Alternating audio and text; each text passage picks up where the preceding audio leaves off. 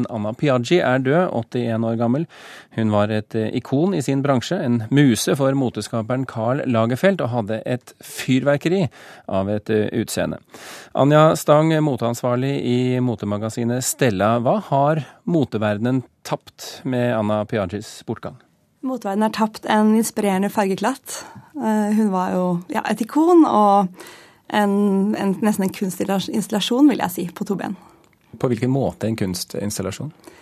Hun hadde en utrolig flamboyant og kreativ og eklektisk personlig stil. Eh, alltid veldig, veldig mye farger mye, ja, mye ekstreme volumer og strukturer. Hun var veldig glad i pels og ja, knallfarger gjerne. Hatter? Hatter, veldig, veldig mye hatter. Særlig laget av Stephen Jones og, og ekstreme kreasjoner. Men Anne Piaggi var et langt mer fargerikt innslag. Hun påstår at hun aldri har gått utenfor inngangsdøren sin uh, uten hatt siden 1982.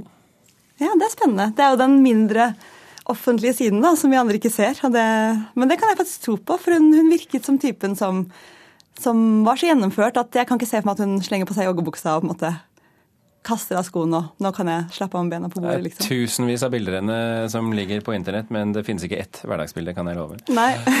Hva var det som gjorde Anna Piaggi eh, viktig?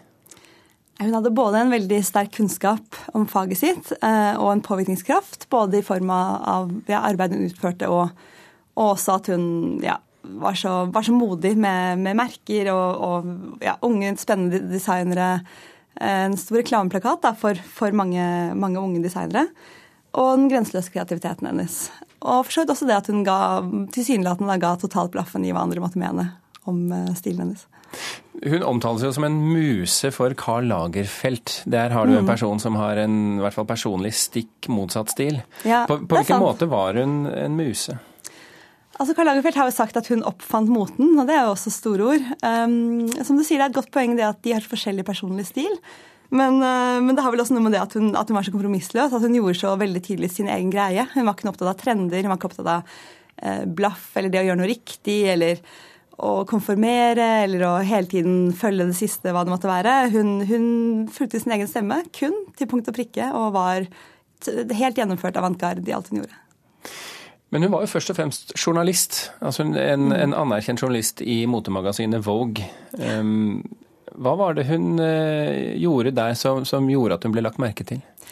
Altså Siden det var Vogue Italia, så har jeg jo dessverre ikke kunnet lese så mye hun har skrevet. Jeg har heller hatt gleden av å observere henne, men hun jo, hadde jo frie tøyler, jobbet jo for italienske valg i mange mange, mange, mange år. Og, og, hadde jo, så vidt jeg forstår, temmelig frie tøyler der. Og gjorde ganske avantgarde oppslag med, hvor hun selv i praksis styrte layouten. Det var jo litt sånn det var i magasinbransjen før også.